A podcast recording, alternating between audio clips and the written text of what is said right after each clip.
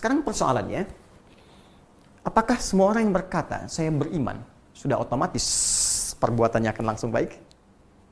Belum tentu. Karena pernah ada kasus di zaman Nabi langsung, dicontohkan langsung di zaman itu, dan diberitakan kepada kita oleh Allah Subhanahu wa taala dalam Al-Qur'an surah ke-49 Al-Hujurat ayat ke-14. Ada orang Arab Baduy yang langsung berkata saya beriman. Qalatil a'rabu amanna. Ada orang Arab Baduy berkata, "Ya Rasulullah Muhammad wasallam, kami telah beriman." Maka karena iman perkara hati, Nabi tak bisa langsung menilai hati orang kecuali dengan petunjuk Allah Subhanahu wa taala. Ya. Ya, maka diberikan petunjuk oleh Allah Subhanahu wa taala untuk menilai hati seseorang dengan bimbingan Allah Subhanahu wa taala. Maka kalimat keluar firman Allah Subhanahu wa taala diberikan pada lisan beliau dikatakan, "Qul lam tu'minu." Katakan Muhammad sallallahu alaihi wasallam, kalian belum serius imannya. Tuh, belum sampai ke jiwa. Belum serius. Ya. Qul lam tu'minu. Walakin qulu aslamna walamma yadkhulul imanu fi qulubikum. Tapi katakan kamu baru masuk Islam. Ya, kalimatnya baru di lisan. Asyhadu an la ilaha illallah. Asyhadu anna Muhammad Rasulullah. Ya, baru di lisan. Cuma belum sampai ke jiwa. Kalau Anda ingin melatih kemudian bertanya pada Allah, "Ya Allah, saya ingin bertanya, bagaimana melatihnya?" Karena bahaya kalau iman cuma di lisan, ini baru di lisan, apalagi yang di lisan gak diucapkan, cuma di KTP dituliskan. Maka KTP-nya yang beriman tuh. Orangnya bisa tidak. Ya.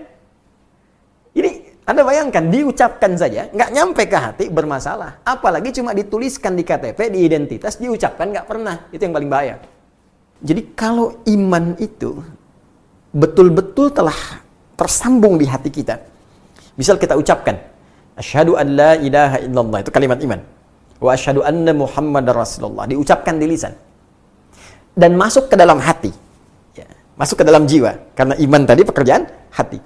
Maka iman yang ada di hati ini akan memberikan pancaran-pancaran akan memberikan sinyal-sinyal kepada seluruh anggota tubuh kita untuk berperilaku. Untuk berbuat. Dalam bahasa Arab berbuat, berperilaku disebut amal namanya amal. Ya, tangan beramal, kaki melangkah beramal, berperilaku. Ya, lisan berkata itu amalnya, telinga mendengar itu amalnya. Maka iman ini bukan sekedar hadir dalam jiwa.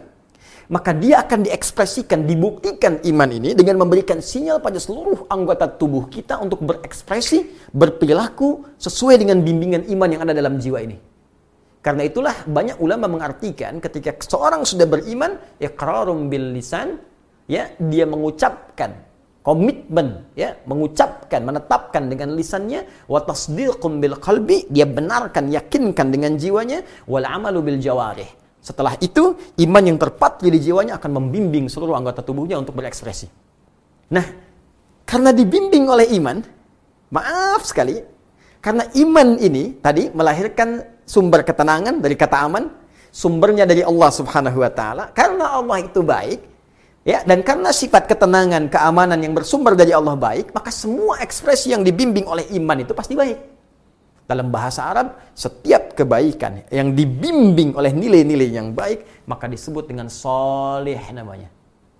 Pekerjaannya amal, ya perbuatan baik yang disebut soleh. Kalau kita satukan jadi amal soleh. Karena itu, semua orang beriman dalam setiap waktunya, apakah tidurnya, makannya, kerjanya, masaknya, nontonnya, semua yang dia kerjakan pasti soleh, pasti baik. Ya, waktu yang dia gunakan pasti soleh. Waktu yang digunakan untuk beraktivitas disebut asr namanya. Turun Quran surah 103, Al-Asr.